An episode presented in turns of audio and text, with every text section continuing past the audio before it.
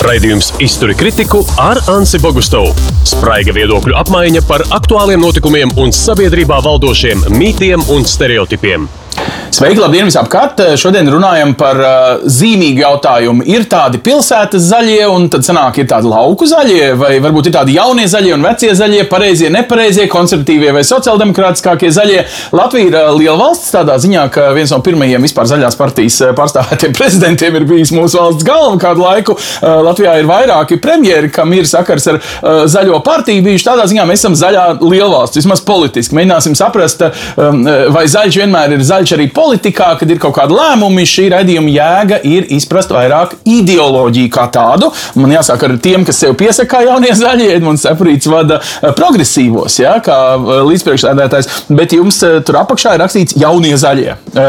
Tā, tā ir, vai ne? Jā, mums ir jaunie zaļie un jaunie sociāldemokrāti. Mm -hmm. Es vairāk esmu līdzpriekšsēdētājs no zaļās puses tieši. Nu, re, tā, tāpēc arī mēs tevi aicinām uz šo sarunu. Savukārt, nu, es negribu teikt, vecie zaļie. Nu, zaļā partija ir gal galā viena no pirmajām politiskām organizācijām vidas aizsardzības kluba saknes, toreiz vēl pat faktiski tautas fronte īsti nebija dibināta. Tādā ziņā zaļos gandrīz var uh, saukt arī kā tādu ilglaicīgāko jauno laiku Latvijas partiju. Protams, zaļās partijas priekšsētājs uh, Edgars Tavars. Sveiks! Atmodas, atmodas laika partija. Mm -hmm. un, un, un zaļums Latvijā sākās vidas aizsardzības klubs, sākās izmantot ļoti daudz dažādas akcijas, kad drīkstēja pulcēties. Un tajā laikā, tajā priekškara laikā, tajā komunistiskajā pat laikā, neviens neiebilda, ka pulcējies par vidas aizsardzību. Lūkšana pie jūra bija simtiem tūkstoši cilvēku. Un tas bet nebija pret padomju savienību, bet patiesībā bija. Patiesībā cilvēki aiz zem zaļā karoga lika neatkarību un elkas pēc atmodas un, un ilgas pēc, pēc brīvas valsts. No, tāpēc un... tas zaļums un tā tautas dzīvotspējas mums Latvijas zaļās partijas iet roku rokā, tāpēc mēs esam Latvijas zaļā partija. Mēs neesam Labi. Briseles zaļā, Vašingtonas zaļā. Tev ir svarīgi Maskavas. nodalīt, ka tā mēs zaļā esam, tiek interpretēta dažādās valstīs dažādi. Latvijas zaļā partija, kas primāri rūpējas par Latvijas zaļumu, un mums, protams, ir ļoti svarīgi cienīt un respektēt arī citu valstu gribas un vēlmes, un, un to pašu mēs sagaidām arī no viņiem. Labi, tiksim tur dziļāk tālāk, bet es vien gribu paprasīt. Man ir sajūta, ka patiesībā to, par ko tu runā, nodibināja hipija. Nu, tas bija tāds vēl viens protesta veids, kā runāt pret pastāvošo varu šajā gadījumā, pret padomu savienību. Neformāli. Ja? Tajā laikā viņi sevi sauc par, sauc, sauc par neformāļiem, kas, kas uzdroš, uzdrošinājās, kam nebija bail un nu, kas droši, kas droši pretojās. Mans tēvs, mans tēvs savā laikā tika apcietināts par to, ka viņš 17 gadu vecumā lika pie čakstas sarkanu baltu sarkanās svecītes kopā ar Arvīdu Ulmu. Nu, jā. un, un viņu, nu, viņas, viņas medīja par to. Viņi iet, iet no sākuma viens noliek divas sarkanās, ienāk, iet otrs no nu, divas baltās. Bišķiņi arī nacionālisti. Un tas bija, tas ir, nu, tas ir ne, ne nacionālisms tādā situācijā, kā mēs to saprotam mūsdienās, jo nacionālisms jau manā ieskatā jau šobrīd aizgājis pilnīgi radikālismā, tāpat tās mm. tā kā otrs flanks. Bet tās bija brīvas pēc brīvas, tas bija ilgas pēc brīvas valsts, pēc neatkarības, pēc nepiesārņotas dabas, jo tas varbūt atceries laikus, kad bija aviācijas lidotājiem, bet testē manevri jāveic, viņi neveic, viņi vienkārši tonnām degvielas izgāzes grāvī, jā. un tas piesārņojums bija vaiprātīgs. Nu, tieši tā, toreiz Ventspils varēja uziet gaisā vienkārši ar vienu mazu ekoloģisku kļūdiņu. Um, labs ir, tagad uh, jaunie zaļie, nu, X vai Z vai kura paudze jūs esat? Grēta Thunberga ir bišķi tā kā jaunāka par jūsu partijas tādu vidējo aktīvistu. Tātad jūs neesat gluži arī Grētas eh, tādi nu, līdzgaitnieki, ja esat. Nu, es domāju, ka mēs esam jaunie zaļie arī tieši Latvijas kontekstā. Šeit droši vien vēlēties vairāk distancēties no, no Latvijas zaļās mhm. partijas mm un parādot atšķirību.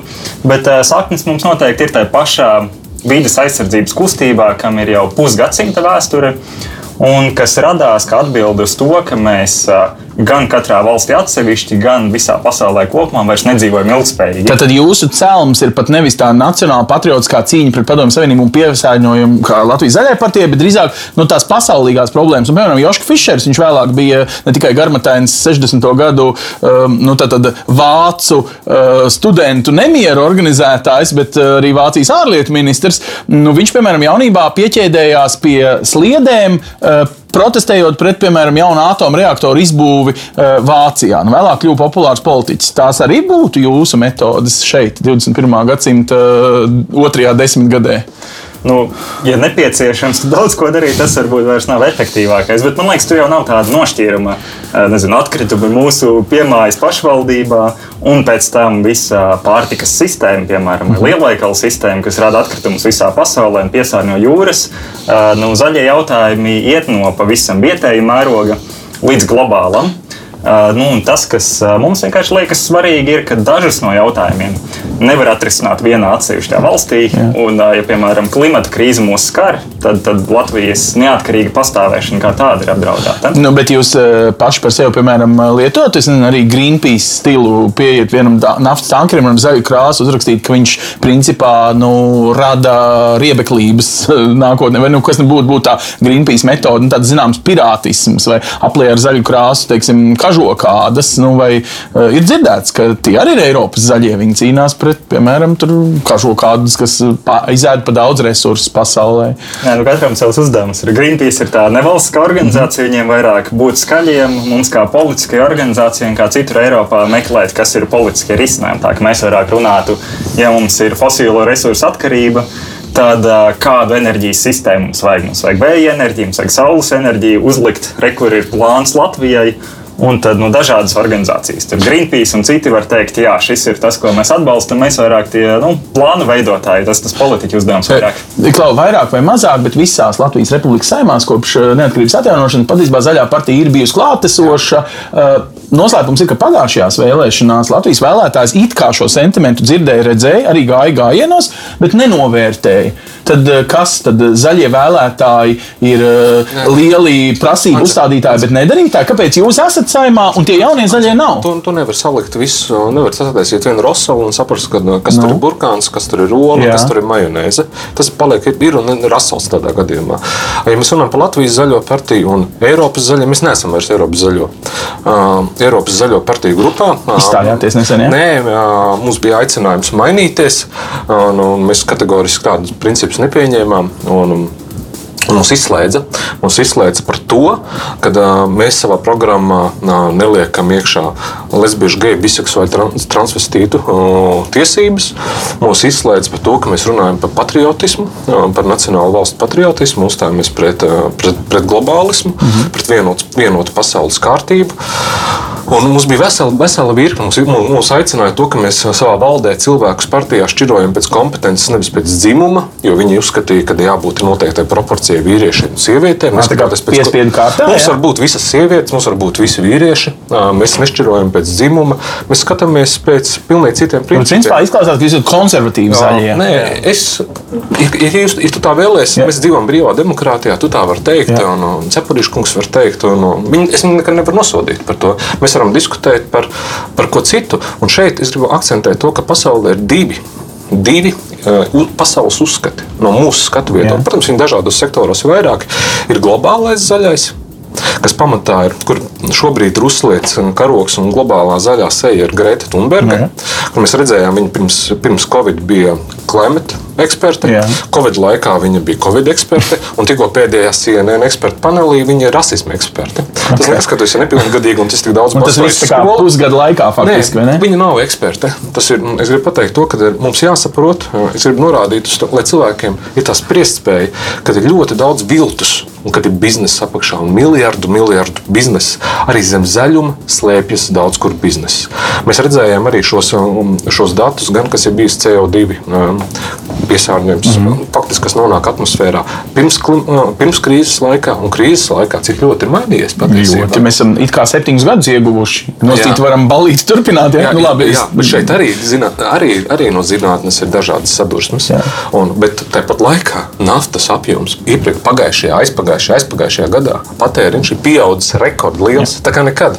Mēs nec, Latvijas zaļā partija mēs sakām, ja mēs gribam rūpēties par klimatu visā pasaulē, aicinām dalību valstīm maksimāli pirkt vietējos produktus, bioloģiskos produktus, aizliegt importu. Tad neveicinām naftas ja, ieguvumu. Ja, ja, ja aizliegt importu, tad uh, vismaz maksimāli samazināt importu. Uh, mēs cīnāmies par, par depozītu sistēmu vai par šādu sistēmu atkritumu uh, jomā.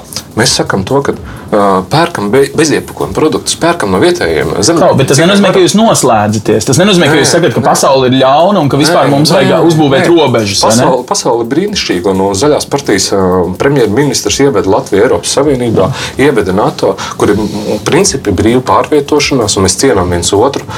Mēs, mēs cienām, mums ir jāciena blakus valstu satversme un viņu, viņu brīvība un viņu cilvēku griba. Un, un mēs gaidām tieši to pašu pretīm arī, arī no, no citiem.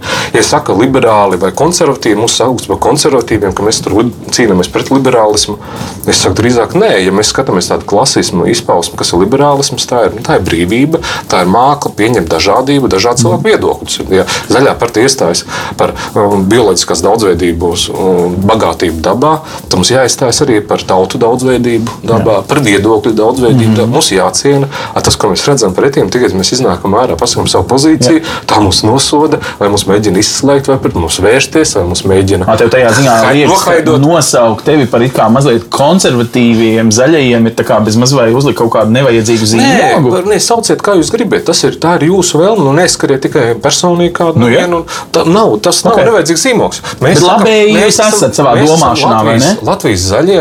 Mē- un, uh, Mēs nešķirojam pat obligāti pat cilvēkus Latvijā, kas dzīvo kādā valodā. Tur runā, tur runāt krieviski.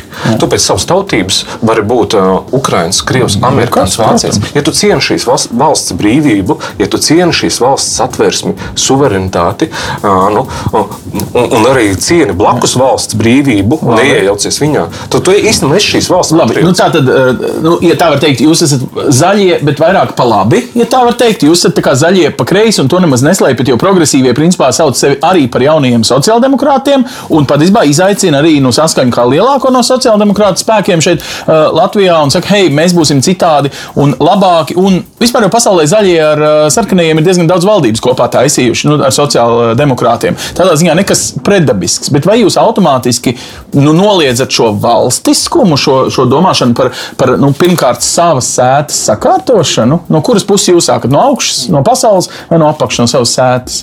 Nē, nu tiešām tas mūsu uzdevums ir salikt visu kopā. Ja mums ir plasmasas, klimata problēma, tad ir risinājumi, kas ir uz vietas, un ir risinājumi, kur mēs nevaram bez tāda starptautiskā aspekta.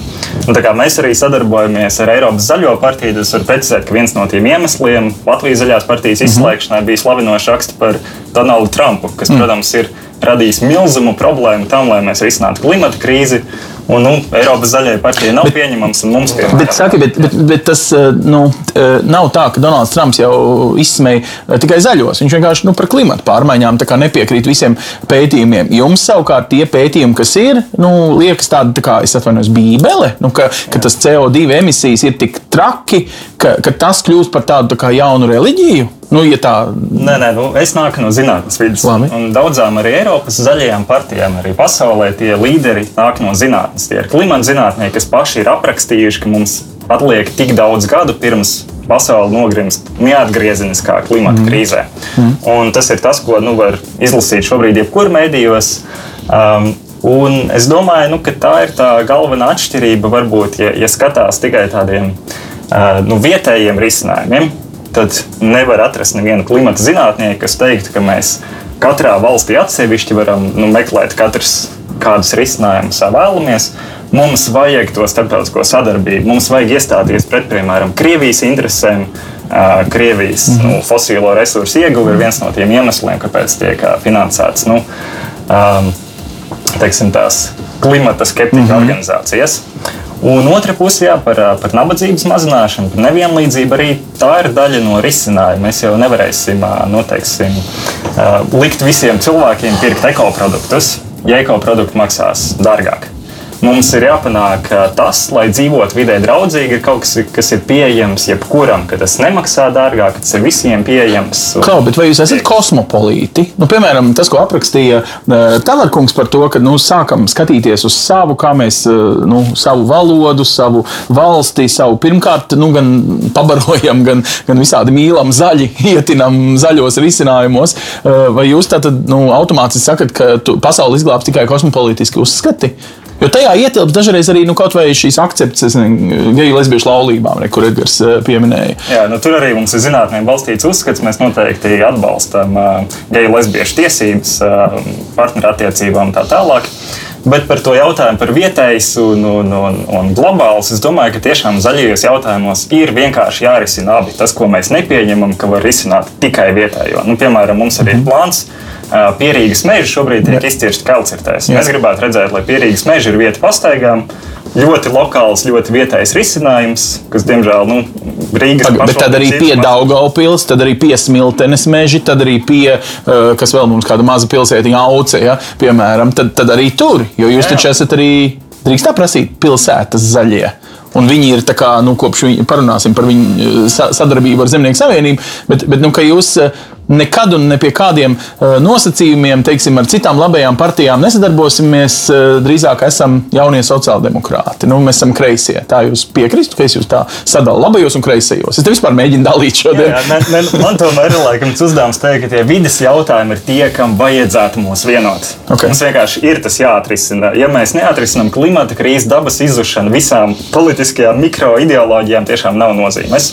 Un tas, kur mēs balstām nu, savu skatījumu, ir tiešām zinātnieki teikt, ja mums ir jāizdara šis, mums jāatrisina nevienlīdzība, mums vajag globālu vienošanos, mums vajag šādas un šādas ā, iespējas. Un tajā visā, protams, ir jāiegūst katram ne tikai pilsētās, bet arī, piemēram, laukos. Nu, cilvēkiem nevajadzētu dzīvot tā, ka viņiem smidzina pesticīdus apkārt, tā ka viņi nevar pelpot. Nu, tā ka mums ir, es domāju, Uh, vidēji draudzīga pasaule ir kaut kas tāds, kas mums būtu jāpanāk. Kā, bet ne, neizklausās, ka jūs esat vienkārši tādi pilsētnieki, kas grib diktēt, kā citiem, tiem, kas faktiski ir tuvāk videi, mēs teiktu, ja viņi kopja ainavu, viņi apsaimnieko mežus, viņi ko, ka jūs gribat, kā, nu, protams, vairākums civilizācijas tagad dzīvo pilsētā, ka jūs viņiem tā kā diktējat zaļos risinājumus. Jums būs to, vairāk to, mazāk atvediet mums lētāku eko pārtiku, bet noteikti nedariet šito, dariet šito, nu, ka jūs tā kā regulējat ar tādām. Hei, nu, vai jūs paši kādreiz laukos esat bijuši, teiks, kaut kāds varbūt cilvēks, kas, kas dzīvo laukos? Nē, es esmu uzaugusi pirmos 18 Ok. okay. gadus mājā, kur tuvākie kaimiņi bija kilometri attālumā.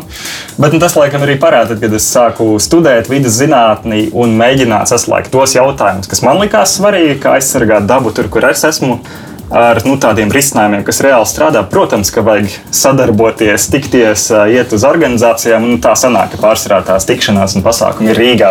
Protams. Tāpēc biežāk ir to pasākumu šeit, bet es domāju, jā, ja mums būtu labāka izglītības sistēma, kur vairāk vidas jautājumi tiek uzsvērti, kur tiktu runāts par klimata krīzi, tad mēs varam redzēt, nu, piemēram, tepat Zviedrijā, no kurienes nāk Greita, bet kur nāk daudz klimata aktīvistu, arī katrā mazajā ciemā.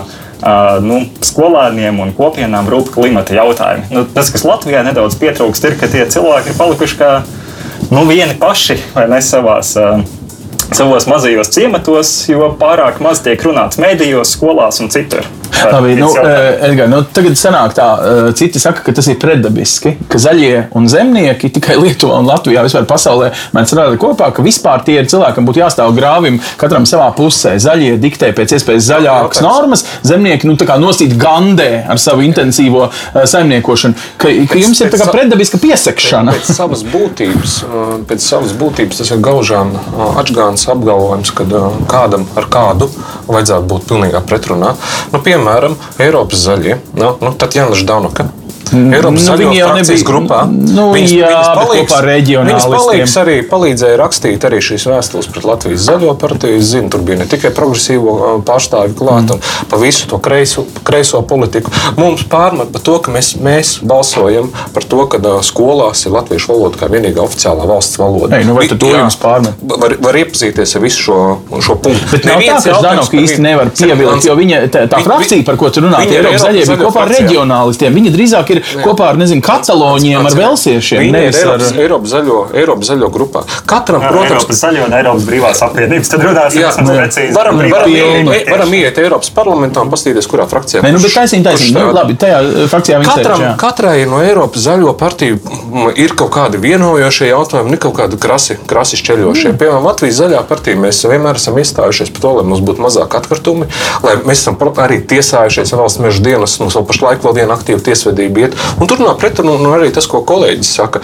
šajā vienā grupā. Bet ir vesela cita ideoloģiska jautājuma grupa, kur mums ir krasas pretruns. Es, piemēram, nekad nestartēju uz Eiropas Savienības, nevaru pateikt vairāk Eiropas, vairāk Savienības, respektīvi mazāk nacionālo valstu lomas. Mm -hmm. Es taisnu otrādi saku. Ja mēs gribam būt viena un spēcīga Eiropas Savienība, Mēs būsim tik spēcīgi, tik, cik būs vājāka Eiropas Savienības valsts spēcīga. Stiprinām nacionālo valstu lomu, nu, saglabājam mūsu Eiropas pamatbrīvību, kas ir brīva pārvietošanās, brīva tirzniecība, bet ļaujiet, ļaujam katrai valstī kaut kādus nu, Tātad gluži antikosmopolitiski arī jūs neesat. Jūs nesakāt, ka vajag tikai noslēgties. teikt, Ka... nav, nav pasaulē tikai melns un balts. Nekur. Jā, nu, nav, nav pasaulē melns un balts. Un, un arī teiksim, runā par homoseksuāļu tiesībām. Un, nu, arī Latvijas zaļajā partijā iespējams ir kāds cilvēks, kam ir homoseksualitāte. Nevis Iespējams, bet es zinu, ka ir. Labi. Bet es nevaru uzlikt viņa tiesības šobrīd augstāk kā cita tiesības. Un, un, un ir, protams, jautājumi, kur, kur es uzskatu, kas ir vēsturiski ir bijusi kļūda, kad valstī mēs esam aizlieguši referendumus par daudziem jautājumiem. Jo šis ir jautājums, kurš nemitīgi šķeļ Latvijas sabiedrību. Mēs sakām, šobrīd mēs redzam, kas notiek Amerikas Savienotās mm -hmm. valstīs, kā tas tiek organizēts. Iespējams, tā ir pret cīņu pret esošo mm -hmm. prezidentu. Iespējams, nav. Tā, tā ir viņu valsts darīšana. Jā. Jo ko viņi izvēlas par prezidentu, tās ir tās valsts pilsoņu tiesības. Mums tas ir jāciena. e, redzam, ka idejas nav Eiropā. tik politiski populāras eh, Amerikā. Tādā ziņā būtu grūti viņas Dažādas. paprasīt, teiksim, kur jūsu Dažādas. partija būtu, kurā. Demokrāti paņēmuši tās pašas idejas, kas ir uh, no Eiropas zaļiem, Jā, nu tādā Vācijas zaļiem, kas ir kas, nu, diezgan kreisa politika. Tāpat laikā uh, formāli sevi sauc par, uh, par, brīv, nu, par brīvību veicinošu, par, par liberālu politiku. Bet ka- kas, kas ir tālāk? Ko mēs redzam Latvijā? Nu, mēs sakām, jā, nu, Amerikas Savienotās valstīs šobrīd ir milzīgs rasisms. Jā, mm -hmm. Tur melnie, baltie nu, Jā. nav pa vidu. Ļoti sašķelta šobrīd sabiedrība. Ak, pie mums ir kaut kas savādāk. Nu, Vai tādā pie ziņā mums- pa krievu latviešu Pie līniju, mums, tu domā? pie mums, pie mums neatkarības laikā, kad uz barikādēm stāvēja cilvēki, stāvēja gan latviešu runājuši, gan krieviski. Visiem bija ilgas pēc brīvas valsts, Jā. pēc brīvības, pēc, pēc atmodas, pēc neatkarības. Un jo vairāk laikam ejot, jo mums šī sašķeltība paliek aizvien lielāka. Jo ir Ždanoka, varbūt pat daļai saskaņa viena Labi. grupa, tad ir, tad ir otra labējā Nacionāla apvienība. Nu, kad kādam nosvērstās reitings, viens pasakā, jānojauc brīvība, tad viens piemineklis jānojauc, otrs ne? jā. Nu, tā sabiedrība aiziet. radikālismi. Un Es ikdienā kom, komunicēju Rīgā, piemēram, arī multikulturāla pilsēta. Šeit ir gan Latvijas, latvieši, gan krieviņi, gan ukrāņi. Nu, viņi pilsoņi Latvijas, viņi ciena šo valsti. Protams. Bet pēdējā laikā šī sašķeltība aizvien pieaug un pieaug. Nu, bet saki, lūdzu, Un, un cilvēki saka, ka pie mums nav rasisms. Jā, Afrikā saka, ka no black go back to Africa. Tad Latvijā mēs aizvien biežāk dzirdam, tur runā krieviski, vācies uz Krieviju. Ir, Pagaid, kas diemžēl, tas, tas, tāds? diemžēl tā ir dzirdēts. Jā. Labi, bet es vienu lietu gribu saprast. Teiksim, ja es skatos uz jaunajiem zaļajiem, es redzu, ka viņi ir dabiski iepozicionējušies līdzīgi kā nezinu, Vācijā, Francijā un kur. Netālu no sociāldemokrātiem. Viņi ir nokopējuši Jūs tā kā ejat prom no, jā, jā, no šī jā. tipiskā jā. Eiropas eh, zaļās partijas vieta, tajā, ko sauc par politisko spektru. Tāpēc, ka laikā, kad Latvijas zaļā partija iestājās, mēs dibinājām, bijām viena no dibinātājiem Eiropas zaļo partiju. Pamatlieta, kas tika apvienot, apvienojot visas Eiropas zaļās partijas, bija cīņa par vides aizsardzību. Kas, jū- ko jūs katrs savā valstī tur nu, papildus ņemat? Jūs esat labēji vai kreisi, vai iestājieties par franču valodu, par spāņu valodu, par Kataloniju vai pret. Tas ir jūsu nacionāls lokāls jautājums. Eiropas zaļie. Visā pas, visas Eiropas bija doma sākotnēji apvienojamies par vides, vides jautājumiem, par piesārņojumu jautājumiem, kā pārobežu piesārņošanu mazināt. Uh, nu, tiešām, kas ir lokāli jautājumi katrā valstī, kā mēs viņus kopīgi varam risināties, kā mēs varam sadarboties. Ar gadiem ejot, jo mūsu pārstāvji, ak, atbraucot no Eiropas zaļo mītīņiem, bieži vien krustus met, atvainojos, mm -hmm. kad ir, ir, ir sesijas, kur vispār netiek runāts par vidas jautājumiem. Ir runā par mikroplasmasu nedaudz, mm -hmm. par uh, vienreizējo plasmasu piesāņu, un tad aiziet LGBT raids un, un, mm -hmm. un, un absolūti tāda kreisa. Un, nu, es pat nezinu, kādā kategorijā ka viņi ielikt. runā labi kreisa, bet tās ir tādas pilsētnieku izpratnes par to, kas ir pasaules piesārņojuma, piemēram, problēma, es redzu- Es redzu, ka ir ļoti daudz cilvēku, kas ir varbūt aiz savas pārliecības, vai savu nai- naivumu, vai tā informācijas telpā, kur viņi dzīvo. nu, Viņi vai nu atsaucās, vai neatsaucās uz kādiem tiešām zinātniskiem pētījumiem, bet ā, aiz viņiem ļoti stāv ļoti liela, milzīga nauda, milzīgs resurss, un tas ir biznesu biznes. Pagaidām, Nevēl- šito es gribu pārbaudīt. Jā, Nē, biznesa, biznesa. Nē, es nesaku, ka cepurīt kukuļu. Es pat domāju, ka nē. Es domāju, ka viņam pat neviens nevienu centu nedod. Pilnīgi kategoriski. Nu. Es, es uz viņu pastos, esmu pārliecināts, ka tā nav. Ka viņš to dara savas pārliecības vārdā. Es esmu pilnīgi pārliecināts, ka tāda Greta Thunberg arī ir atrasta meitenīte, kurai tiešām ir pārliecība par to, ko viņa dara. Tikai tā, ka jaunie zaļie ir pārāk tikai- naivi. Tikai kādam ir, es pabeigšu, sekundes, es došu vārdu, un tad es paklusēšu. Bet tikai, tikai kādam ir ļoti izdevīgi viņi izvilkt ārā saulītē, kura atnāk uz apvienoto nāciju organizācijas sanāksmi, kur visu valstu līderi, kur nekad nevienam oponentam citam nav iespējams uzdoties. Viņi paņem galveno pasaules mainstream mainstreamā ieliek su- paneļus, nu, tā, kur nevienam citam oponentam nav viedokļa. Mm -hmm. Un cilvēki, kas apšauba šo, viņi tiek absolūti diskriminēti. Un tad, kur ir šis liberālisms un kur ir šī vēlme pieņemt Nu, atšķirīgu labi, pozīciju? tad sākam ar, ar eh, naudu, piemēram. Es, es domāju, tas ir labs ievads, tā kā, kas ir kopīgās intereses. Jā. Šobrīd mums apdraud vairāk jaunā Kremļa impērija, kuru lielā mērā nu, finansē fosilie resursi un nafta. Kopīgās intereses šeit tomēr ir vāja Eiropas Savienība, kas nevar pieņemt, piemēram, fosilo resursu nodokli. Izklausās pēc kopīgu Putina, jā. jā. Un, nu, tas, diemžēl, ir kaut kas, pret ko mēs iebilstam. Mēs vēlamies vairāk vienotības, un šeit arī mums nesaskan ar Latvijas zaļo partiju. Bet vai tam pretī ir citas biznesa intereses?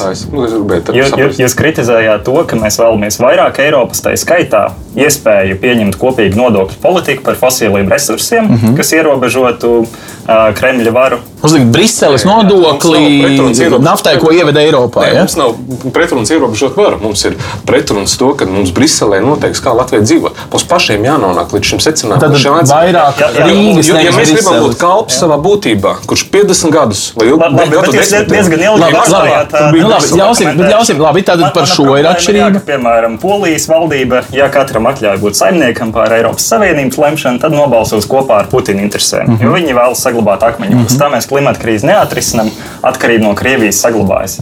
Mēs arī nekad neiebilstu pret uh, Greitas Thunbergas aktīvismu, jo mēs redzam, tas ir kaut kas, kas mums palīdz stāties pretī Kremļa disinformācijai. Bet vai viņa ir jūsu ikona, vai jūs staigātu ar teiksim, savas partijas logo uz tā paša krekliņa, kur būtu arī Grētas Thunbergas eh, seja? Nu, jo viņi tiek ikonizēti. Patiešām neviens cits jaunietis eh, vēl ANO tribīnē nav runājis un, un kauninājis valstu līderus par varbūt arī šur tur kļūdām. Tiešām. Jā, nu, vienīgais, kurus noteikti Greitai Thunbergai piekrist, ka es uh, pārstātu runāt par viņas personību un sāktu runāt par jautājumiem. Un tur es piekrītu. Mums ir strauji jāsamazina fosīlo resursu izmantošana.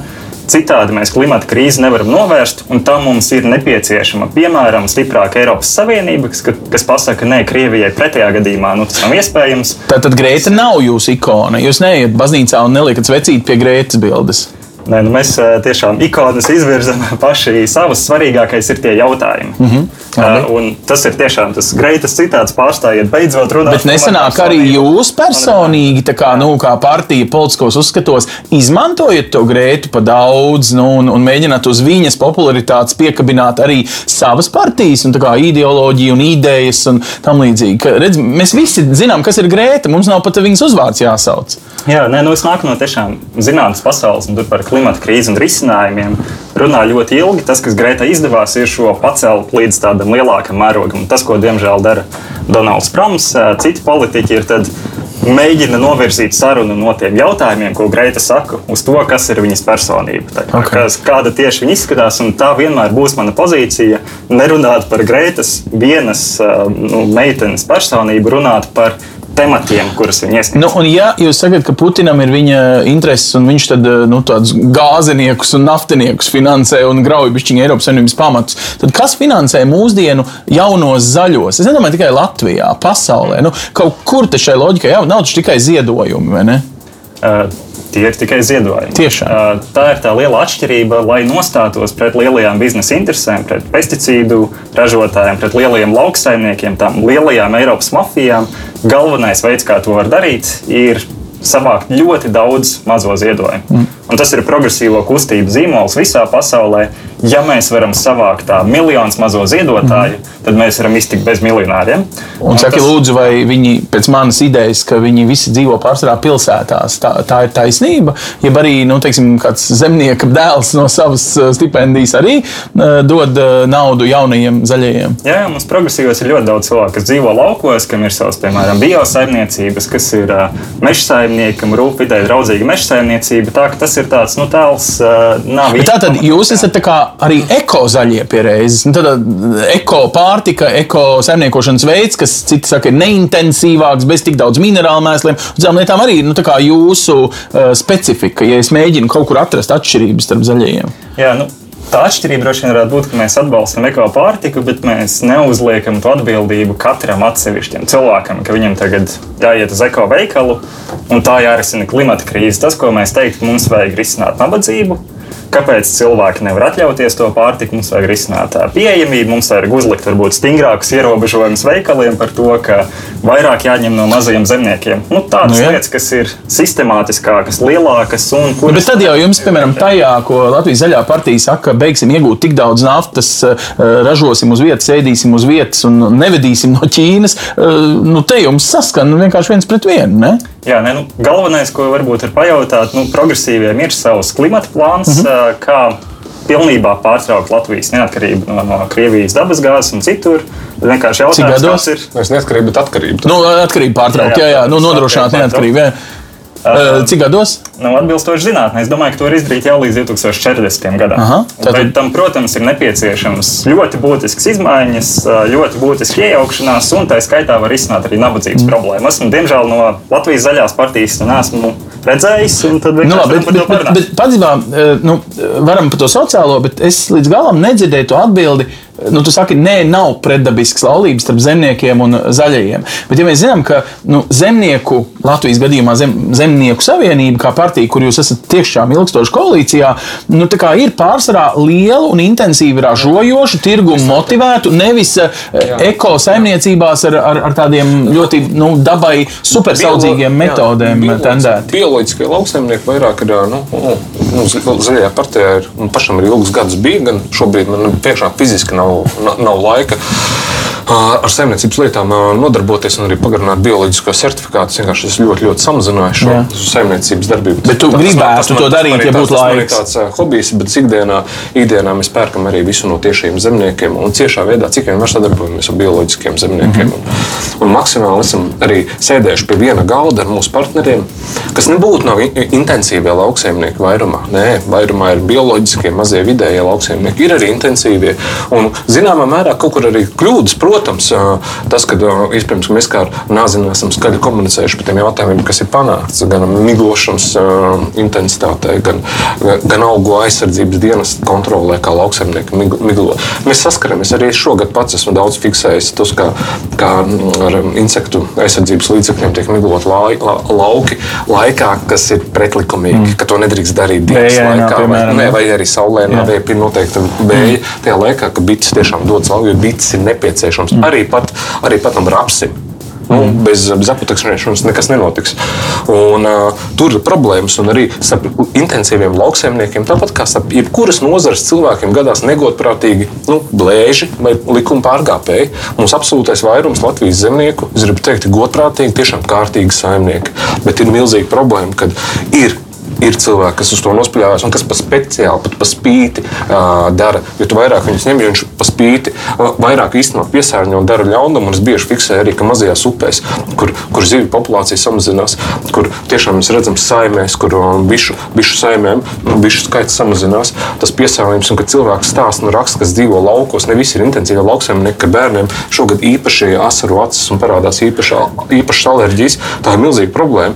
Bet, jebkurā gadījumā, finālā tas Latvijas izaudzētais grauds kopumā ir, ir stipri veselīgāks nekā tas, ko mēs šobrīd importējam no Ukrainas vai pat no Baltkrievijas, kuru, kas nonāk rezultātā uz mūsu galda, no, no mūsu maizītes. Mēs savu graudu, ko mēs cīnoties ar auga aizsardzības līdzekļu intensitāti, lai miglotu pēc iespējas mazāk, mēs savu graudu pasēdēs visur augusta beigās sūtām uz ostām un Man, eksportējam. klausoties tevī, liekas, ka jūs esat tādi struktūrētāki un tā kā reālāk iet uz kompromisiem. Ja drīkst, tā kā, nu nevis pārmetot, bet secinot, jūs esat vairāk sapņotāji. Jūs kā sakat, cik forši būtu, ja mēs visi kopā sadotos rokās, bet cilvēki jau visi kopā gandrīz nekad netic vienam, nu, teiksim, zaļajam dievam. Būs taču arī kāds, kas ticēs naftas dievam. Sanāk, viņi sarunājas dažreiz ar tiem naftas dieva eh, darbiniekiem un mēģina kaut kādus kompromisus. Jūs sakat, vai nu nogriežam, vai nu, nu es nesaku melns un balts, bet, bet jūs esat tā kā bišķiņi tādi revolucionārāki un viņi varbūt noguruši, noguruši taisīt revolūcijas, ir uz sadarbību. Vairāk, Jā, jā. Mēs esam vairāk par revolūciju, nevis par Te, te, revolūciju. teiksim tā, mēs zinājām visu par klimata krīzi jau pirms 30 gadiem, pirms manas dzimšanas vispār. Mm. Mēs šo 30 gadu laikā neesam īsti pavirzījušies. Tā, mm. tā esošā pieeja noteikti nestrādā mm. ne, ne Latvijā, ne Eiropā, ne pasaulē. Kas šobrīd ir noticis, mums ir skaidri uzliktas robežas. Ja mēs līdz 2050. gadam nepārtraucam savu atkarību no fosiliem resursiem, tad viss, tad es saku, tiešām nav uh, vairs svarīgas tās ideoloģiskās atšķirības, vai uh, cik kuram naudas makā, vai citur. Tad pasaule ir klimata krīzē.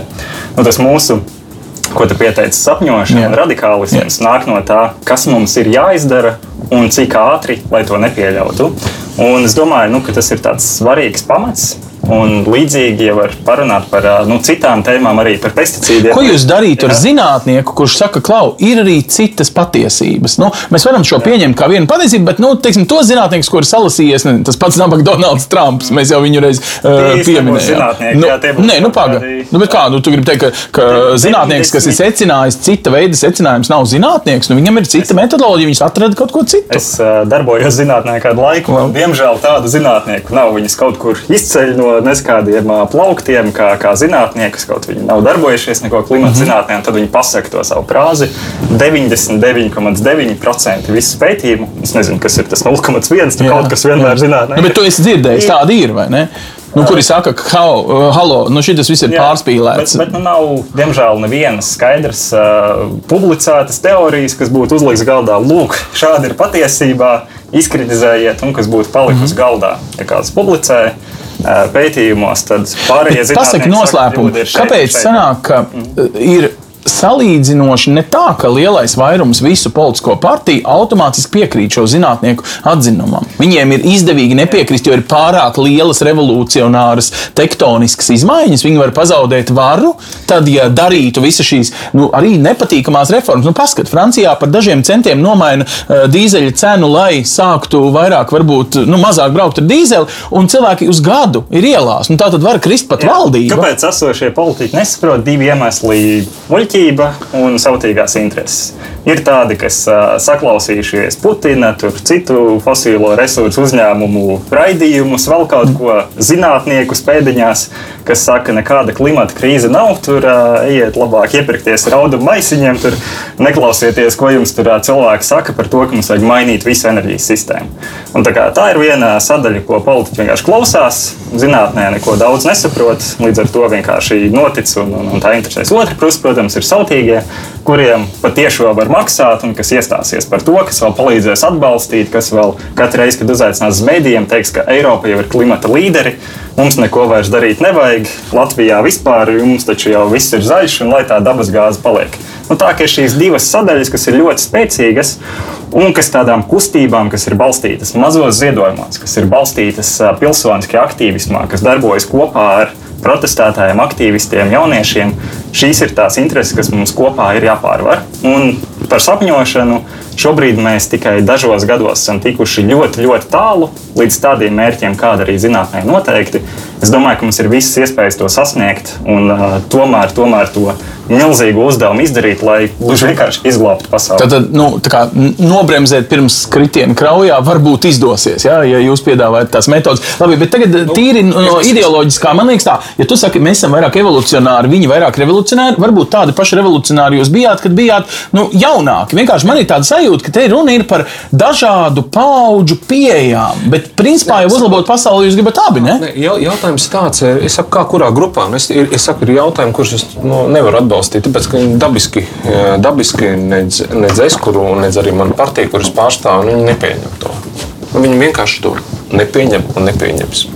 Mēs nepieņemsim to, ka uh, mums jāatsakās no Latvijas uh, kaut kādiem zināmiem neatkarības postulāriem, jādodot vairāk vara Eiropas Savienībai. Vienkārši mēs tam nepiekrītam. Mm -hmm. Mēs ir tā problēma, ka to nevar īsti atrisināt Jā. bez Mē- zināmas daļas mēs, mēs pro, protestējām Jā, pret jā. uh, Kremļa, pret uh, Maskavas atkarību. Uh, mūsu priekšgājēji, man priekšgājēji, kas dibināja Latvijas zaļo partiju.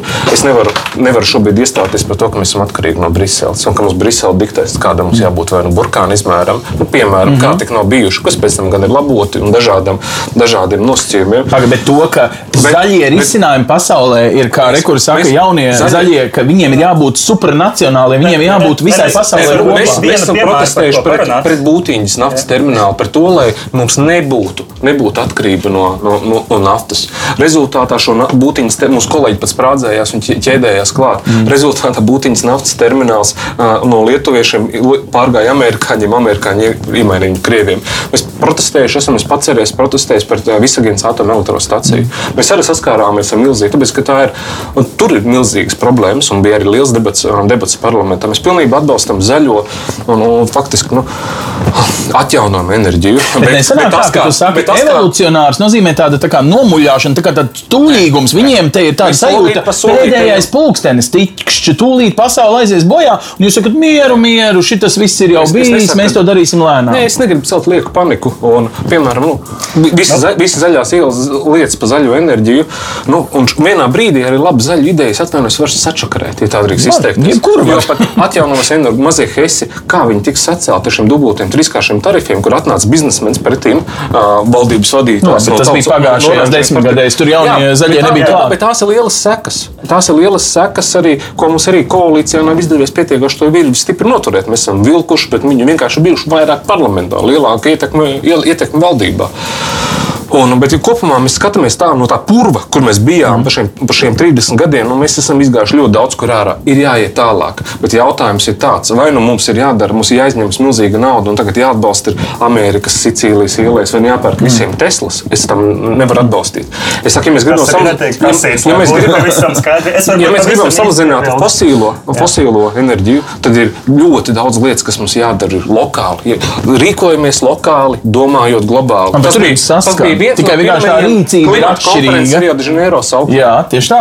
Un uh, tātad jūs, jūs, jūs domājat zaļi abi, bet risinājumus jūs atrodat nu, tā kā dažādus. Jūs gribat tādus ātrus, bišķiņi arī zinātniskus, kaut kādā mērā arī hipermodernus, bet varbūt nepārbaudītus, Es varbūt pat es- nepierādītus. Es piekrītu visiem tam minētajiem risinājumiem, bet es klāt saku, ja mēs paskatāmies, kas ir jāizdara, tad mēs nevaram atrisināt klimata krīzi bez globālas vienošanās. Ja mēs sakām, Krievija dariet jūs savā mājās, kā gribat, Ķīna dariet savā mājās, kā gribat, un ASV citur, un mēs neko kopīgi saistošu neliksim, tad mēs to neatrisināsim. Un līdzīgi ir Eiropā. Ja mēs dodam Polijai iespēju, nu jūs tur ar akmeņoglēm dedziniet, ko gribat, kāda Čehija var vēl aizstāvēt Krievijas intereses patiešo, tad nebūs nekāda risinājuma, kas ir pietiekami ātri. Ja ir klimata krīze, tad tā atšķirība mums ir, ka mēs nenovirzamies citām tēmām, runājot par ā, mazajiem HES vai citur. Mums ir jāizdara šīs lietas. Mums vajag vietējos risinājumus, mums vajag globālās vienošanās, mums vajag pesticīdiem sistēmu, kas paredz atteikšanos no pesticīdiem vispār, Piekrītu. nevis skatīties uz atsevišķiem mazām sadaļām. piekrītu mēs visam tas, ko saka Edmunds. Bet mēs novirzamies no tēmas. Mēs uzliekam jautājumus, kas šķeļ zaļos Eiropā. Mēs uzliekam jautājumus, lesbiešu, geju, biseksuāļu, mm -hmm. transvestītu. Mēs uzliekam to, uzliekam kā pārmetumu to, ka kādas valsts politiskās partijas, šajā gadījumā mēs runājam par Latvijas zaļās partijas, ka pie mums ir atnākuši no kristīgo konfesiju pārstāvjiem cilvēki un saka, norāda uz viņu prātīgiem Mēs visām pasaulē kāds jūs Mēs, pabakstīs. mēs novēršam, no, un ir ļoti daudz arī globālās kooperācijas, kuras atbalsta tiešā vai netie, netiešā pat veidā šo kustību.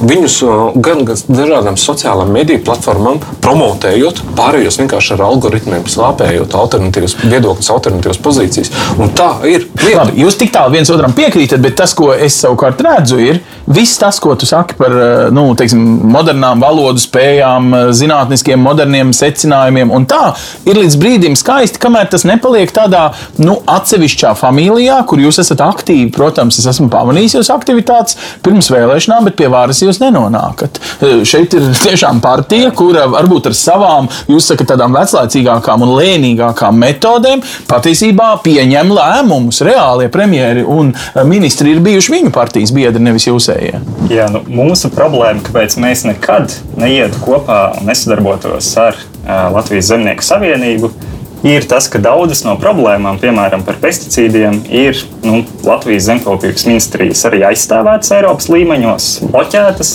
tajā laikā, kad uh, tur ir bijuši Zemnieku savienības ministri. Un uh, Dūklavs droši vien ir slavenākais vārds pret depozītu sistēmu, par pesticīdiem, par intensīvo lauksaimniecību. Visur bloķēta uh, ilgspējīgas zvejas, uh, zvejas noteikumus un citur. Nu, tad mēs redzam, šis nav ceļš, uh, kā mēs varam panākt pārmaiņas. Ja mēs it kā iestātos no vienas puses savā reklāmās par zaļu eiro, bet no otras puses savāktu balsis šādiem cilvēkiem. Mm -hmm. Tas ir tā atšķirība, domāju, kur mēs nekad nevarētu sadarboties ar intensīviem lauksaimniekiem. Es domāju, ka nav bažu par to, ka mēs nepanāksim savus mērķus. Protams, ka tikko dibinot partiju, savācot mazos ziedājumus, nu, kāds brīdis ir nepieciešams, bet mūsu atbalsts visu laiku aug.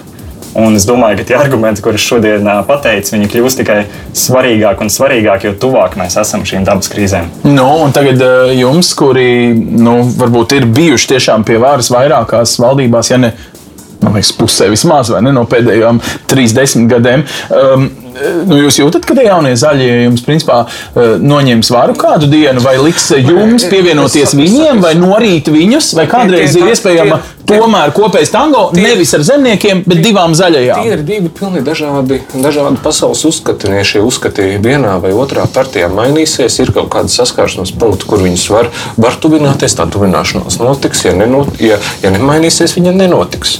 Tas ir gaužām vienkārši. Ir kaut, kād, kaut kāds maziņš sektors, kur mums pārklājās, kur es nedzirdu milzīgas pretrunas, bet tāpat laikā ir, ir pretējs. Es, piemēram, Ždanoku nu, atvainojiet, es nevaru sēdēt. Varbūt mēs varam vienoties par, par, par nezinu, atkritumu apjomu samazināšanu. Mm. Bet tikai uznāk dienas kārtībā jautājumi par, par neatkarību, par brīvu valsti, par suverenitāti, par to, lai mēs ar nodokļiem cilvēkus nenosmacētu. Mēs, mēs nevaram šobrīd piespiest Latvijā pensionāru braukt ar tramvaju un, un pirkt, lēt, pirkt bioloģisko mm. pienu. Un tad, tad, nu, nu, viņi, viņi izbrauc ar bezmaksas sabiedrisko transportu. Jā, viņi izbrauc sabiedrisko transportu cauri pāri. Nu, tā ir tā nabadzības arī mazināšana, bet uzliekot nodokļus, straujas nodokļus. Kāpēc Francijā ir šie protesti nu, par, par degvielas pieaugumu? Ļoti zaļa iniciatīva pēc, pēc, pēc savas būtības. Nu, jo vairāk piesārņo, vairāk maksā.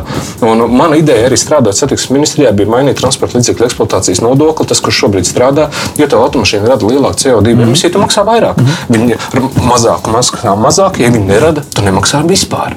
Okay. Ja mēs skatāmies pa CO2 transportā, Bet uh, mēs maisaimniecībām pilnīgi visiem šobrīd nevaram to uzlikt. Ja, mēs, ja mums ir jārada uh, valstī tiešām tas, lai, lai, lai mēs nepārmaksātu uh, ar, ar oikiem, ar dabasgāzi, dar, darbinām termoelektrostaciju, un tas ir, tas ir murgs. Pagad, bet, bet nav tā, ka jūs gribat dzīvot kā līdz šim. Ne, jūs esat ne, ar mieru kāpties uz tiem klimata mērķiem līdz 2050. gadam. Es domāju, ka to, ka klimats pasaulē mainās, to turpat nav jābūt vairs zinātniekam. Nu, mēs paņemam kalendārā un kaut kādā vecumā viņas pierakstus pēdējo 50 gadu laikā. Ziema. Kāda bija sniegs, kādas ir bijušas vasarā mm. temperatūras un ziemā temperatūras, un cik tagad ir. Tur nu pat nav jābūt uz zinātnē balsta. Tas ir acīm redzams fakts. Jautājums, kā mēs līdz tam nonākam un kādu rīcību mums ir jāveic. Es saku, mums Jūsu ne... ātrums būs pietiekams, lai nonāktu līdz tam laikam. Es neatbalstu lielveikalu mega ķēdes, kur mums nāk no citiem kontinentiem kuģiem vests trīs nedēļas ar konteineru, trīskāršā, pieckāršā iepakojumā mm. vests produkts, kuram derīguma termiņš ir vaiprāts piens mm. un derīgs ir tur mēnešiem. Nu, es to, es to neatbalstu. Kādu, dienu, kādu dienu jūs jaunie? Paņemat viņus aizgādnībā, vai otrādi. Viņi, jūs, viņi Jā. tiek atšķelti no zemnieku savienības, kas jums netiek, neliekas eh, dabiskas laulības. Vai, jūs, vai, vai tajā brīdī jūs tiešām nevarēsiet tikt pie tās varas? Jo šobrīd, nu, piedodiet, bet jūsu kopējie reitingi tik un tā, jums tik un tā būs jābūvē eh, koalīcijas. Vienmēr zaļo idejas ir populāras, bet ne tik ļoti, nu, tad, kad jāiet pie vēlēšanu urnām, tad arī citas partijas parādās. Jā, nu, mūsu izvēle progresīvies arī bija savienot kopā sociālo drošību mm -hmm. ar drošību par nākotni.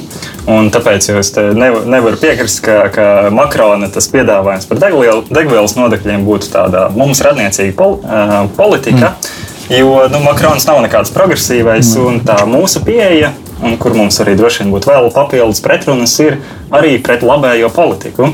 Latvija ir viena no visnevienlīdzīgākajām valstīm Eiropā, un lielākoties tieši pateicoties nodokļu sistēmai, mums nav joprojām tāda īsta progresīvā nodokļa. Mums ir tāds uh, dīvains veidojums šobrīd, mhm. bet, uh, ja mēs paskatītos jebkuru no, no, no Vāciju, Lielbritāniju, citām valstīm, tur var redzēt, ka ar progresīvu nodokļu sistēmu var mazināt nabadzību. Kāpēc tas ir svarīgi videi? Tāpēc, ka tiešām mums vajag risinājumus, kas ne tikai izglābj pasaules nākotni, bet mums vajag, lai arī tie risinājumi uzlabo cilvēku dzīves. Un mēs tiešām redzam, ka ir tāds ceļš, kur var izdarīt abus. Mēs varam samazināt nevienlīdzību, samazināt arī to vispiesārņojošākās sabiedrības daļas nu, mm, patēriņu, piemēram, par lidmašīnām, lidošanu nu, katru nedēļas nogali kaut kur citur. Un es domāju, nu, ka šī ir diezgan laba koalīcija. Samazināt nabadzību, atrisināt vidas problēmas un varbūt pārstāvēt tik ļoti uztraukties par ekonomisko izaugsmu kā galveno to mērķi vairāk vienkārši veidot tādu drošu nākotni, kurā patīkami dzīvot. Es domāju, ka tam noteikti Vai drošā nākotnē eh, tai nacionālajai valstī, tai Latvijai ar savu latviskumu, ar saviem laukiem, tradicionālu dzīvesveidu un ko ir vēl aizvien tikpat eh, svarīga vieta? Nu, vienkārši vai nesnāk tā, ka jūs mūs vedat uz tādu nu, tā vispārēju globālu izšķaidīšanos pasaules okeānā? Nu, Latvijam tas vienmēr ir svarīgi. Mēs esam 0,4% no vispār Eiropas Savienības iedzīvotājiem. Padomā, cik vēl no visas pasaules 0,000% mēs esam. Protams, tas, ka mēs pieņemsim kopīgu Eiropas nodokli pret fosiliem resursiem, nekādā veidā neapdraudēs mūsu nākotnes. Vienkārši palīdzēs mums iestāties pret Krievijas interesēm, kas ir nu, daudz lielākas nekā atsevišķām valstīm. Bet nu, mums ir jāsaprot, ja mēs to nevarēsim izdarīt. Ja mēs pieļaujam klimata krīzi, tas ir tāds haoss, kurā neatkarīga Latvija nevarēs pastāvēt. Es nezinu, ka, ka, kas tieši būs tie ģeopolitiskie spēki, kas tajā brīdī būs svarīgi. Bet nu, Eiropas Savienība, NATO, šāda starptautiska sadarbība, es domāju, nevar pastāvēt pasaulē ar klimata krīzi. Tāpēc mums tas ir. Kompromisiem ko tas viss beigsies man, kā vēlētājiem, tuvākajiem pieciem, desmit gadiem? Man sanāk, būs divi dažādi zaļie, un es varēšu iekost vienā vai otrā pirkstā. Ir globālais zaļa, zaļais un ir nacionāla uzskatu, uzskatu paudējs zaļais. Okay.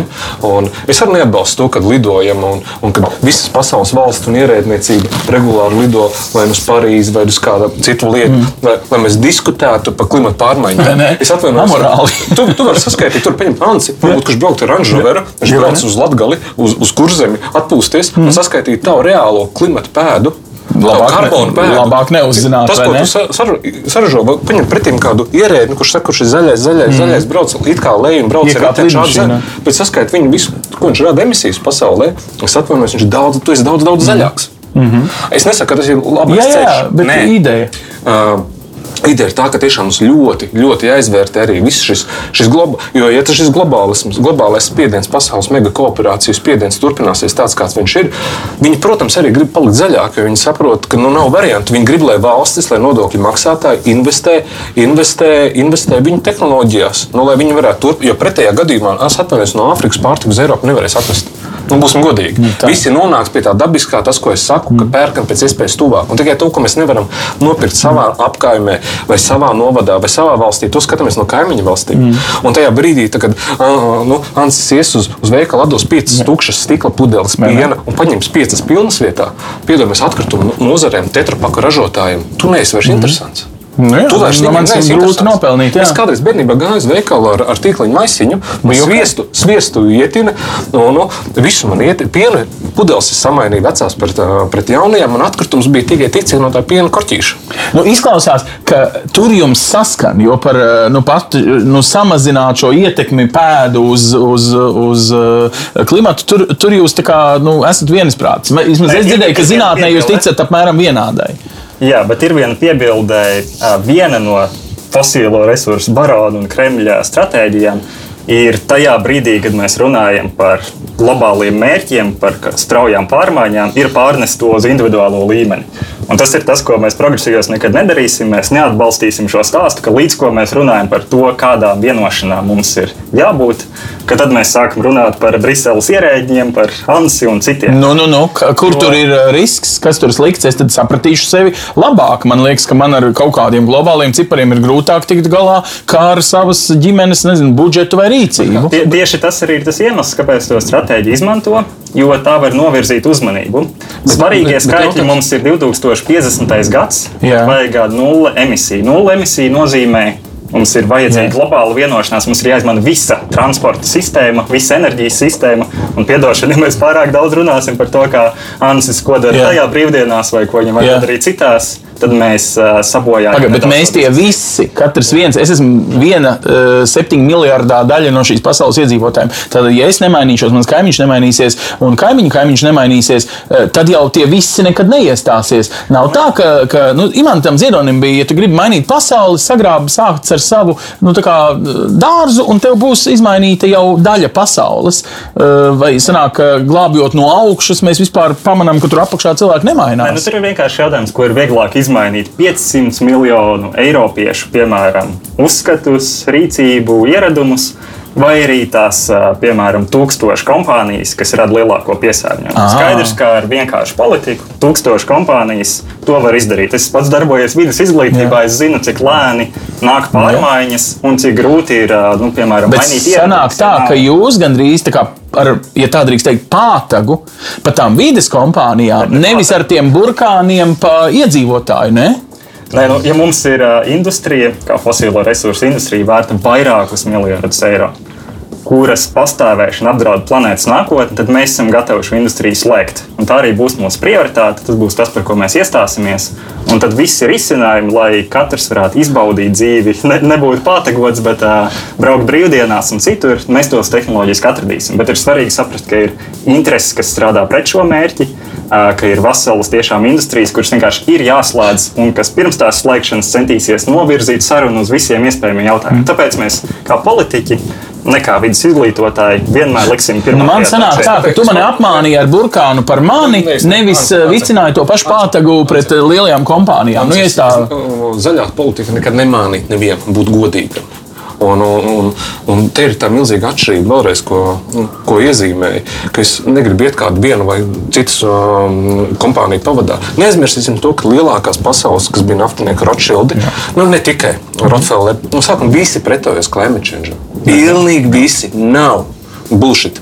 Vienā brīdī, vienā brīdī viņi sāk vadīt viņu, mm -hmm. mainot savas tehnoloģijas. Mm -hmm. Es nezinu, tur bija Kremli. Man tiešām tā viņa politika absolūti, absolūti mm -hmm. neinteresē. Un viss, ko es gribu, uz, ar, ar, ar to pusi, lai būtu absolūtais miers mm -hmm. un, un, un respektēt viņus, viņu brīvību, un lai viņi respektē mūsu brīvību, un mūsu neatkarību un mūsu suverenitāti. Mm -hmm. Visu, no, viņiem, ko viņi prasa. Pati tā ideja, kaimiņos, ka, to kaimiņus pārcelt. Bet pati tā ideja, ka regulējot lielākos piesārņotājus, proti korporācijas, mēs sasniegsim ātrāk, efektīvāk, nevis um, nu, nu, iemācot kā katram vienam iedzīvotājam un, un sākot tur tiešām tos iedzīvotāju piemērus. Tu, tu, tu, dod priekšroku citam, citam. Tas, ko es gribu teikt, nu, tas kooperācijas, lai viņas paliek savā ziņā, tas, kas mums jāstāsta mūsu valstī un jāaicina citus valstis tieši tāpat rīkoties.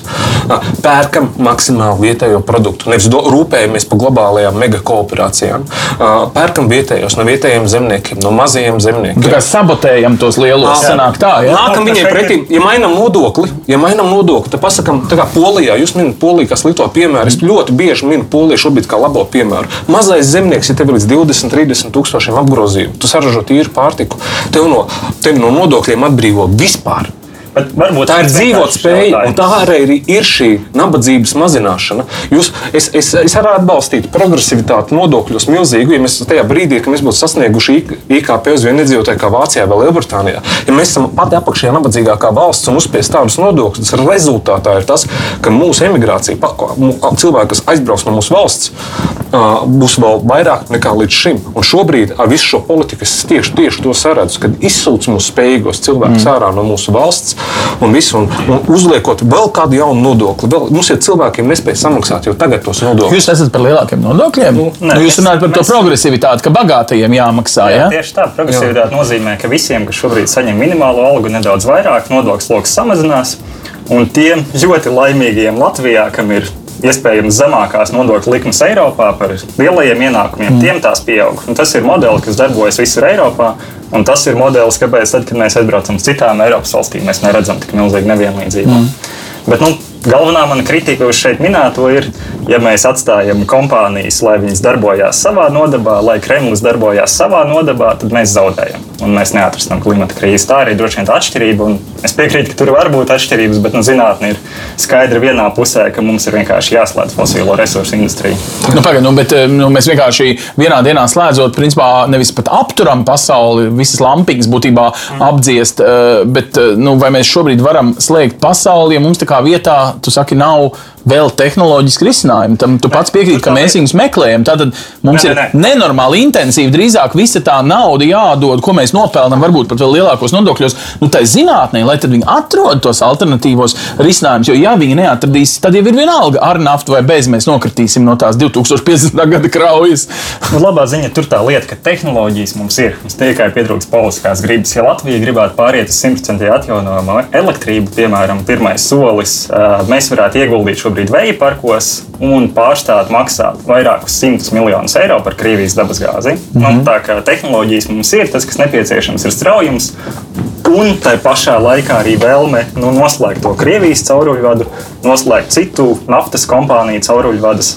Un, nu, tā ir tā problēma, kur nevar nu, visu Bet tā nav tāda pašizolēšanās. Nu, vienkārši tajā brīdī, nu, labi, mēs tā pieņemsim, hipotētiski izdarīsim, bet tad jau tā būs utopijas valsts, jo pārējās valsts jau vēl nav piekritušas tavai domu gaitai, un to nedarīs. Tajā brīdī mums būs dārgi. Un uz mirkli zaļi, Jā, bet un- pēc tam mēs nomirsim badā, jo tas būs pārāk dārgi, teiks tāds skeptiķis. Ne? Un tāpēc tā galvenā atšķirība ka ir svarīga globālā vienošanās. Mm. Piemēram, pasaulē, kurā mēs esam visi vienojušies fosiliem resursiem no vietas, Latvija var ražot vienu no lētākajām enerģijām pasaulē. Mm -hmm. tā, tā ir noteikti pasaule, kur mums ir milzīgas priekšrocības, kur mēs gribam būt. Un, diemžēl Latvijas politiķi līdz šim, visi, kas ir gājuši uz sarunām, ir bijuši tie, kas bremzē klimata rīcību, nevis veicina, nevis iestājas par to, kas mums ir svarīgi. Un tur nu, atkal Zemnieku savienība ir bijis viens no politiskiem spēkiem, kas ir tam līdzdarbojies. Tā, Tā, ka jums tā Zemnieku savienība ir tāda, tā kā tāds dublis pie kājām. Par visu. Labi. Es varu atbildēt par Latvijas zaļo partiju un tas, ko Latvijas zaļās partijas gan bija ministrs Vējons un kas ir darīts enerģijas sektorā. Nu, mēs esam ļoti salīdzinoši, bija, vismaz tajā laikā, kad tiešām Latvijas zaļā partija atbildēja par šo sektoru. Nu, es domāju, ka uz pasaules mēroga nu, nav kauns nevienas sekundes. Bet šobrīd tehnoloģijas ir citas. Viņas vajadzētu pirkt intensīvi, ieguldīt, vai jūsu partija. Ja mēs runājam par mūsu partneriem, par Latvijas Zemnieku savienību. Tad es varu pateikt lietas. Pirmkārt meklēju cilvēkus, kas mūs vieno, nevis kas mūs šķeļ. Un mūs vieno pārliecība, ka Latvijai jābūt brīvai un neatkarīgai un demokrātiskai valstī. Un ir jāaicina visi, kas šeit dzīvo un apkārtējiem, cienīt mūsu brīvību un mūsu suverenitāti. Punkts viens. Punkts divi. Mēs, ja mēs runājam arī par tādiem tiešām paš, nacionālās pašapziņas jautājumiem, par, par nācijas saliedētības jautājumiem, mums arī, arī ir viedokļi, kas mums ļoti, ļoti, ļoti sapas. Jā, mums ir bijušas ļoti smagas diskusijas par, par auga aizsardzības līdzekļu lietošanu. Mm. Nu, tiešām mēs uz ārā cenšamies viņus nenest, bet man ir daudz vieglāk to risināt, ka mēs sēžam, sēžam sadarbībā pie viena galda un atrodam kom, ko, kompromisus. Nevis, ka mēs būtu mūžīgi opozicionāri. Mēs būtu opozicionāri, un ja Latvijas zaļā partija domāja, ka nebūtu sadarbojusies ar Zemnieku savienību, situācija ar, ar auga aizsardzības līdzekļiem un mūsu dažādu lauksaimniecības piesārņojumu būtu daudz, daudz lielāka. Es jums varētu parādīt, kādas vēstules pret maniem ir sūtījuši. Mm. Lielā Latvijas zemnieku saima organizācija, kur lielzemnieki vispār manu pozīciju, ko es esmu arī panācis mm. Zaļo zemnieku savienībā, nu, nu, mums ir ļoti skarbas bijušas sarunas. Bet sadarbojoties, sadarbojoties, Nu, tas paliek ģimenē, Panākt, panākt, panākt, vienoš, panākt viedokli. Klau, bet man tagad sanāk tā, rezultāti. jums ārējais ienaidnieks ir globālā sasilšana, un tā ir tāda nu, uh, liela kopā uzvarāma visiem kopā lieta. Uh, Jums savukārt ārējais ienaidnieks ir vairāk, nu, piemēram, vai Krievija vai kāds, kas apdraud valsti. Tāpēc mēs labāk viņu kā pirksim no viņiem naftu, lai viņš ir paēdis un neapēd mūs. Muļķības nevar nevienā brīdī. Es, es negribu uzskatīt kādu citu par ārēju ienaidnieku. Drīzāk ir kāds, mēs esam ienaidnieks, mums bieži vien spogulī apskatās katram pašam. Mm -hmm. Labi. Ko mēs pirmkārt apdraudam? Vai mēs savu neatkarību esam gatavi atdot? Bija savā laikā cilvēki, kas deva savu Latvijas neatkarību, atdeva, atdeva Maskavai, atdeva, atdeva Kremlim. Ir cilvēki, kuriem šobrīd uzskata, ka Latvijas neatkarība ir jādod Briselē vai Vašingtonai vai ne, ne, jebkurai citai valstī. Kādu gabaliņu atdodot neatkarību, mēs teorētiski centimetru Latvijas Varbūt neatkarības tiešām nevar jūsu atdot jautājums, ja mēs uzliekam fosilo resursu nodokli uz Eiropas Savienības robežām, kā tas apdraud Latvijas neatkarību vairāk nekā Nē, nu kā naftas cenas kļūst uh, Latvijā dārgākas. Jā, jā, bet nu, tieši mūsu neatkarība šī viena sadaļa par fosilo resursu nodokli. Es esmu gatavs šo nodot Briselē, lai tas tiktu Nē, risināts. nav jo Latvija to panākt nē, nevar. Ok. nē, Kāpēc kārtā, pirmā lieta, ir, es, kuras piekrītu. Es atkal meklēju lietas, kas piekrīt. Es piekrītu, ka daudziem nodokļiem jābūt harmonizētiem. To, to es pilnīgi piekrītu. Tātad gan Spānijā, gan Latvijā Jā, ir, kaut kāda lieta, kur ir jābūt vienādai. Nav normāli tas, ka viens atbrauc nopērk lētu alkoholu pie mums, un viens atbrauc ietankojas, ietankojas pie citiem. Nu, bet vai šis Mēs ir automātiski kaut kāds pārāk- zaudējums Latvijas neatkarībai, šis piedāvājums? Nē, saprotiet, kur ir problēma. Ja mēs runājam par nevienlīdzību, panākam, lai mums ir nevienlīdzības, ir, lai mums mazākās algas saņēmējs vidējais ir tikpat liels, cik ir Lielbritānijā, vai tik, cik ir Fran Francijā kaut vai, vai tik, cik ir eh, Vācijā. Un ja mēs to sasniegsim. Uzliekam, tad uzliekam degvielas cenas tādas pašas, kā jūs gribat uzlikt šobrīd degvielas cenas tādas pašas kā Vācijā, bet alga mums nav tā kā Vācijā. Nu, tur ir problēma. Jums būtu kaut kāds 70% no tā, kas ir Vācijā. Es esmu par to, lai mēs degvielu lietu pēc iespējas mazāk un nelietotu vispār to degvielu, lai mēs varētu braukt ar elektrisko vilcienu, lai, lai mums būtu pēc iespējas lielāka iespēja likt saules kolektorus uz mājas, mājas paneļiem un brīvo, kamēr es esmu darbā pa dienu savu nodot tīklā, atkal kur ņemt ražotājs kādu to elektrību.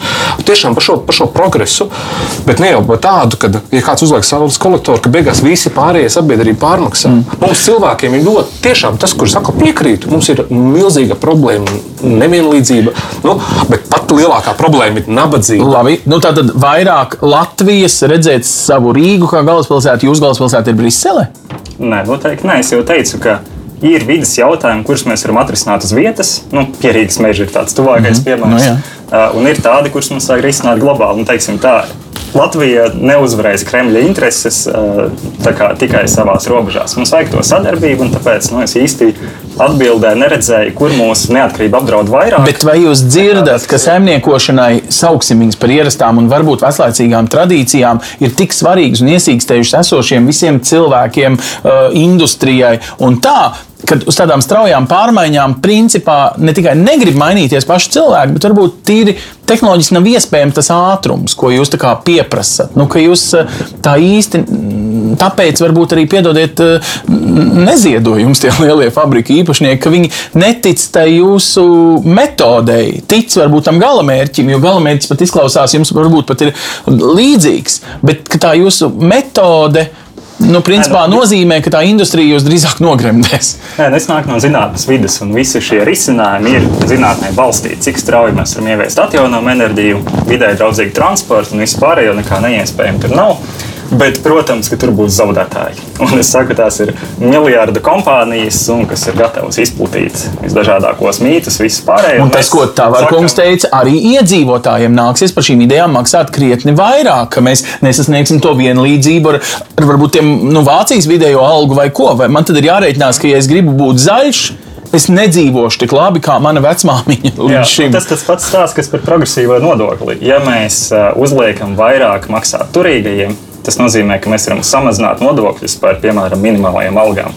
Un tas ir atkal tas pats Eiropas ceļš. Nevienā Eiropas valstī ar tik mazām algām kā Latvijā nav tik daudz jāsamaksā nodokļos. Tikai-. Labāk mēs to varam uh, paņemt teiksim, no Krievijas dabasgāzes nekā nu, no Mm. katra, Nu, kas tie- strādā Krievijas dabas gāzes veikalā. nebūs tūlītās. un Es ļoti ceru, ka tas brīdis pienāks pēc iespējas ātrāk. Ka mēs tiešām runāsim, nevis tikai draudēsim visiem, bet Kremli, ka mēs rīkosimies rīkosimies nacionālās interesēs. Un nevajag draudēt, lai tā Kremlis vai Vašingtona vai kas. Nu, mums ir dažādi, ļoti daudz dažādu aspektu. Pirmais, kas mums jādara, mums pašiem ir jābūt pārliecinātiem, ka mēs gribam dzīvot, lai mūsu tauta šeit, Latvijā, dzīvotu. Ar klimata krīzi to nevarēs tikai maza piebildē. Nu, atnāks vēl citas tautas drīzāk, vai ne? Grib Ja būs klimata grib nākt daudz- krīze. Grib nākt daudz uz šejienes, un tajā brīdī es domāju, ka Eiropas, jo tagad Covid jau iezīmē to, ka uh, Eiropas Savienība faktiski ir krīzes brīdī faktiski beidz pastāvēt. Iekšējās robežas slēdz un medicīniskās kravas nacionāla valsts, otrai nacionālajai valsts vienkārši pa ceļu pārķer un nolaupa. tieši tā. Un, un tā vienošanās tajā brīdī, viss vis, vis, vis, vis vienošanās burtiski ir tiek kanalizācijā nolaistas. Un, Bet mūsu gadījumā svarīgākais ir panākt tas, lai, nu, lai mums cilvēki nebrauc prom.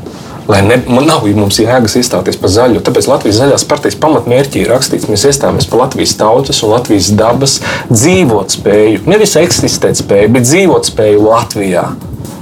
Latvijā. Nu, nevis mēs cīnāmies par to, lai, lai Spānijā vai Āfrikā es arī gribu un atbalstītu tiešām, lai tur cilvēkiem iet labi, lai viņu kultūra tur saglabājas, lai viņu valsts tur saglabājas, lai viņi vienkārši ne, ne, neno- nenostaigātu visu pasauli pāri, lai viņi tur dzīvotu, viņi būs laimīgi pie sevis arī, nu, mums neveidosies konflikti, nebūs kari un tam līdzīgi. Es domāju, ka to jebkurš normāls cilvēks grib. Man liekas, ka Latvijas zaļās partijas ieskatā zaļums tā, tā ir norma. Ir, tas ir jābūt dabiskam, cienam viens otru, respektējam viens otru un domājam ne tikai, ne, nesakam, ka mūsu klimata mērķi ir augstāki, es saku, nē, mūsu tautas mērķi ir augstāki.